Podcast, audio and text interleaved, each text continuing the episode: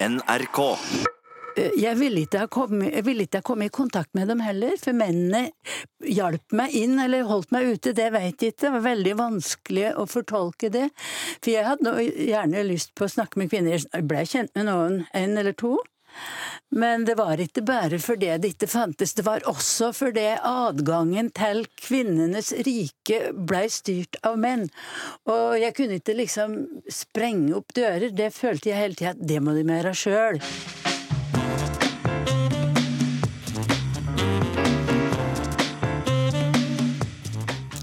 Dagens tema dreier seg om noe vi gjerne ikke regner som norsk historie, men som likevel er det.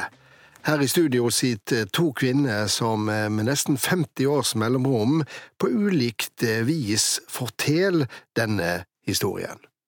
For det er nå rundt 50 år siden innvandringa fra Pakistan til Norge begynte. Først noen få hundre menn som mer eller mindre tilfeldig havna her. De ble raskt kalla fremmedarbeidere, og i dag så er dette et markant minoritetssamfunn her til lands.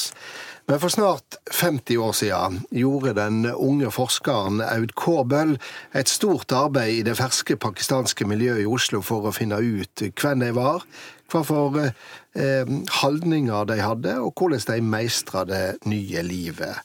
Avhandlinga fra 1974 ble aldri publisert, før i fjor under tittelen Den kritiske fase. Og du, Aud Kårbøll, ble da plutselig, og nesten 50 år forsinka, hylla som en forskerpioner vi ikke visste om fantes. Det må da ha vært ei underlig oppleving? ja, det var det. Men det var jo ikke Jeg syns jo ikke det var så veldig ukjent da. Men det var jo bare kjent innenfor faglige kretser. Det var ikke etterspørsel etter den type informasjon noe særlig før. Så den kom vel ikke så veldig overraskende på meg, da.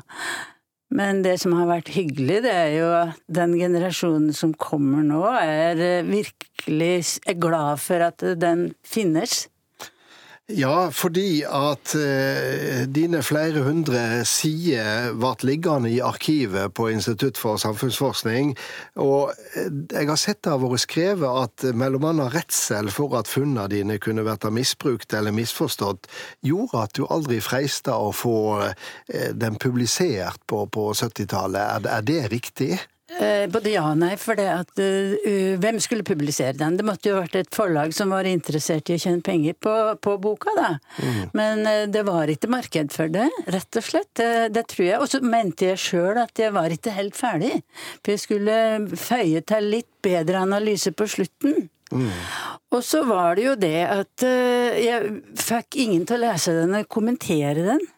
Mm. Og det syns jeg var veldig vanskelig. Som forsker så skulle du jo gjerne legge fram funnene dine i et akademisk miljø og mm. få reaksjoner, og så bli, gjøre det bedre. Mm. Og den eneste som visste mer enn meg, det var hun som var leder i Fremdearbeidsforeningen, amerikansk Caroline Shetland. Et fantastisk menneske. Men akkurat dette her tålte hun ikke, så hun sa kast den i søppelbøtta. Og jeg ble vettskremt. Var det av eh, at eh, eh, det var en slags redsel for at, at kunnskap og ærlighet omkring negative sider i, i, den kulturen som da kom til Norge, ville føre til rasisme, f.eks.? Ja, det var nok en del av det. Men så var det veldig harde fronter i politikken òg, da. Det mm. skulle så lite til. Det var enten eller. Enten var jeg rasist, mm. eller så var jeg et eller annet annet. Og den stemplingen var ganske tøff. Men du forutså jo eh, i de avhandlingene avhandling den gangen forhold som parallellsamfunn, arrangerte ekteskap, eh, sosial kontroll og ære, at dette kunne være potensielle konfliktområder eh, i den pakistanske minoriteten, den økende minoriteten, men også i forholdet mellom minoritet og, og majoritet. Ja, men jeg hadde jo øyne og ører. Jeg så jo det som skjedde, og det skulle ikke mye fantasi til for, for det. Og så hadde jeg jo lest en del om innvandringen til andre europeiske land, da. Men, eh, så jeg syns, jeg jeg bare prøvde å forholde meg til det som var sannhet. Og det du så, det var akkurat disse sidene som vi da snakka om, med æreskultur, med parallellsamfunn, med isolasjon. Ja, og så var det jo litt som var mitt problem, at det handler jo mye om, om fortolkning. Og det var jeg vel litt usikker på når det gjaldt uh, en del sånn å, å drive og forklare folk fra andre land hva slags kultur de har. Altså, det liker ingen å drive og fortelle andre hvem de er. Mm. Så jeg venter bare på at det skulle komme en pakistaner som kunne gripe inn og si sånn syns jeg, sånn syns vi. Men det er jo først, ikke først Asia kom i, da.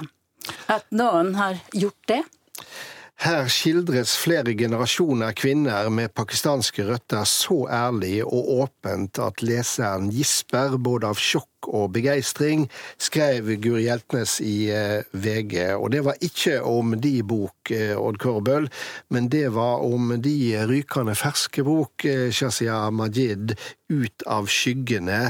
Ei bok som burde bli pensum for alle med meninger om integrering, ifølge Aftenposten Sandmeia Mari Grydland. Gratulerer med mottakinga, velkommen hit. Og hva for bok er det du har skrevet? Jeg det, det, er mange som har prøvd å på en måte Det er en, det er en, det er en historie. Eh, historiebok. Samtidig som det er en, et debattinnlegg. Mm. Eh, kampskrift. Jeg har egentlig, I utgangspunktet så vil jeg bare fortelle den historien eh, om innvandrerkvinnen de siste 50 årene. Det var et veldig lite prosjekt. Men det ble et enormt eh, lerret, naturlig nok, å bleke. Og så eh, underveis med, med, arbeidet med boken så ble jeg jo både begeistret og veldig preget og opprørt og lei meg. Og, og det bare banet seg vei. Den boken ble til, liksom. Mamma, takk for at du har holdt ut. Jeg skylder deg alt, eh, skriver du eh, som ei dedisering til mor di. der er ei hyllest til henne. Hun kom som hva kaller vi det, hentebrud eh, så tidlig som i Var det i 73 eller 74? Ja, mamma kom. Mamma er faktisk en av de første som kom til Norge. Eh, en kvinne som kom som fremmedarbeider. De fleste andre kom som familiegjenforente, men mamma kom her på arbeidsvisum. Og det gjør, det gjør henne ganske unik, fordi at ni av ti pakistanske kvinner jobbet ikke, og jobbet aldri. Fra den første generasjonen som kom hit. Så det, hun var 22 år, eh, nygift med pappa, og blir kastet ut i det. Og det var en voldsom overgang for henne. Og det har preget henne, og det har preget oss. Og det er poenget med boken, at her har vi en generasjon kvinner vi har oversett. Og deres liv har preget livet til barna deres. Og dermed også hele samfunnsdebatten og hele integreringsdebatten.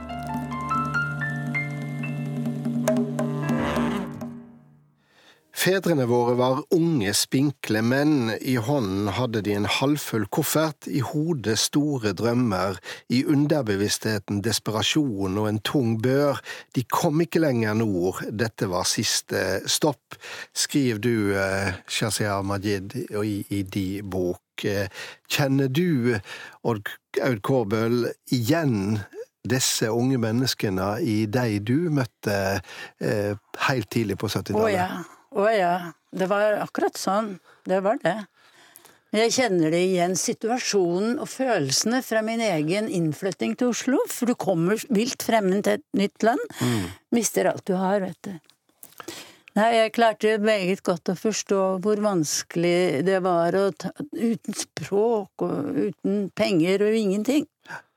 Men vi tror jo at, eh, at, eh, mange av de som kom på 70-tallet, hadde et intens eh, ønske om å, å komme til, til, til, Norge. Vi er jo relativt sjølbevisste i dette, dette, landet. Men Shazia Majid skriver at hvorfor kom så pakistanerne og inderne til Norge? Svaret er at de hadde uflaks. De var på vei til England, hele gjengen. Vel, hele gjengen vil ikke påstå, men de fleste var vel ingen som hadde tenkt seg til Norge uten videre, da. Det var riktignok et par-tre som kom via norske utenriksstasjoner og sånn, men de kom hit for å utdanne seg, og det var kanskje to eller tre, som, en som havnet i Tromsø og en i Bergen. Men de som kom til Oslo, det, det var jo en blanding av at grensene ble stengt i, i England. Pakistan hadde jo lange erfaringer og historiske sammenfall med, med Pakistan, så det var jo De fleste kunne engelsk. Og så Derfor så var det naturlig å skulle til England, men så stengte, ble grensene der stengt. Og da måtte de jo finne på noe, da. Og da forsøkte de seg i Danmark, og så ble grensene stengt der. Og så ble grensene stengt i Norge. Så det ble liksom skysse, skysse seg foran en slags innstenging som foregikk over hele Europa. Så det er en mer tilfeldig enn en kanskje tror, eh, Shazia Majid? Det er i hvert fall det jeg fant ut når jeg begynte å jobbe med dette her. Jeg visste jo om historien til faren min, og der, der var det tilfeldigheter. Og så når jeg går inn og begynner å se på, eh, på dokumentasjonen, så viser det seg at det, det, er jo nesten ingen som satte seg i bussen i India og sa 'nå skal jeg til Norge'. Mm. De skulle til Europa, og helst til England, fordi at det var tidligere koloniherrer, og de hadde lært seg engelsk og de engelske vanene, og, og, og England hadde eh, fri flyt. Altså Alle var velkomne så lenge de ville være med å bygge opp England etter, i etterkrigstiden. Mm. I boka di og i en god del annen eh, litteratur om, om, akkurat denne eh, spesielle delen av norsk historie, så eh, kan det virke som det går to parallelle spor. Det ene er historien om eh, ei gruppe pakistanske menn som etablerer seg. Det vokser fram en minoritetsbefolkning. Eh, de fleste godt integrerte, mange etter hvert høyt utdanna, annen, tredje generasjon. At det på en måte ei, ei suksesshistorie, de fleste er i jobb, osv., osv. Og så er det det andre sporet. Det er sosial kontroll, det er ære, det er tvangsekteskap. Eh, eh, og disse to sporene går på en måte helt parallelt, helt fram til i dag. Ja, det er også dagens eh, samfunn. Er det en, en, en noenlunde korrekt måte å, å, beskrive det på? Ja, det er, eh, det er, to parallelle løp. Eh, og det handler jo også veldig mye om fordi nå snakker vi mye om mennene. Men når du har glemt kvinnene over så mange år, altså tiår, mm. og det måtte en datter til for å fortelle den historien, så har vi, har vi ikke hatt den siste brikken i dette puslespillet som kan forklare hvorfor vi har hatt to parallelle løp. Når kvinnene er fullstendig altså Veldig mange av dem, ikke alle selvfølgelig, noen unntak var det, men aller, aller fleste ble hjemmeværende, økonomisk uavhengige prisgitt da eh, et patriarkalsk system som blir demontert i hjemlandet, og så blir det eh, bygget opp igjen i Oslo. Og blir sterkere enn det det var hjemme. ikke sant? For hjemme mm. hadde de tross alt en posisjon i dette systemet. Og de hadde innflytelse, de hadde allianser, og alt dette ble borte. Og da har du, og da, og, Men allikevel, så poenget med boken er jo at de kvinnene Det er så mye potensial og styrke i dem at de klarer å oppfostre en generasjon som lykkes. Som du er en del av? Ja. Mm -hmm. Korbel, var vi for naive? Så vi ikke, eller ville vi ikke se de negative trekkene over dette? Jeg tror vi var høflige og snille, og ikke ville gjøre vondt verre, blant annet enkelte.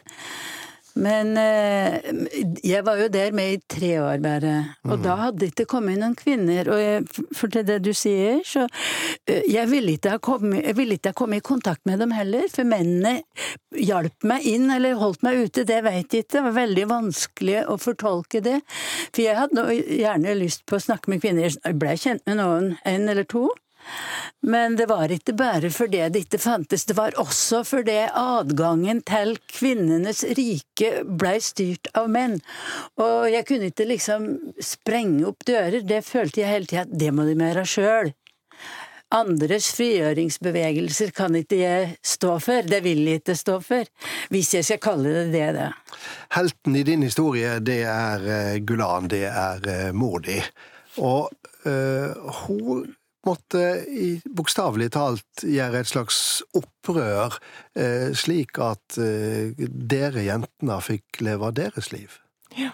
Og det har noe med at Jeg tror det. Nå i ettertid når jeg er blitt voksen der, og da forsto jeg jo ikke hva som foregikk, og hvor eh, skjebnesvanger det kommer til å bli, og formene for våre liv. At hun tar de valgene hun tar på helt eh, grunnleggende tidspunkt i livet vårt. Eh, men det handler om, tror jeg, at hun eh, kommer ut i jobb med en gang hun kommer til Norge.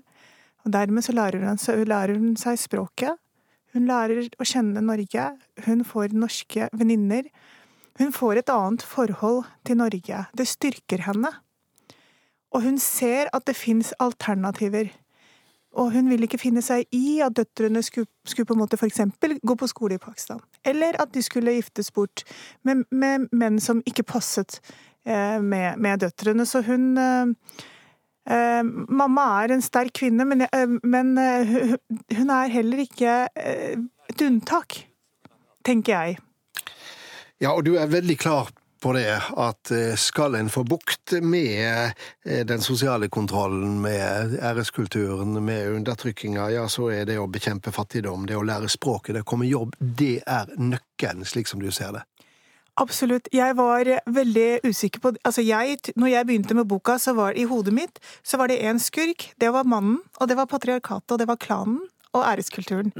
Når jeg ble ferdig med denne boka, så uh, de, fortsatt, uh, de, har fortsatt sin rolle i undertrykkingen, men jeg finner ut at språk og arbeid, ikke minst arbeid, først og fremst arbeid, så det er det aller viktigste hvis vi skal frigjøre kvinner, uansett hvem de er. Tusen takk for at det kom, Shazia Majid og Aud Korbøl.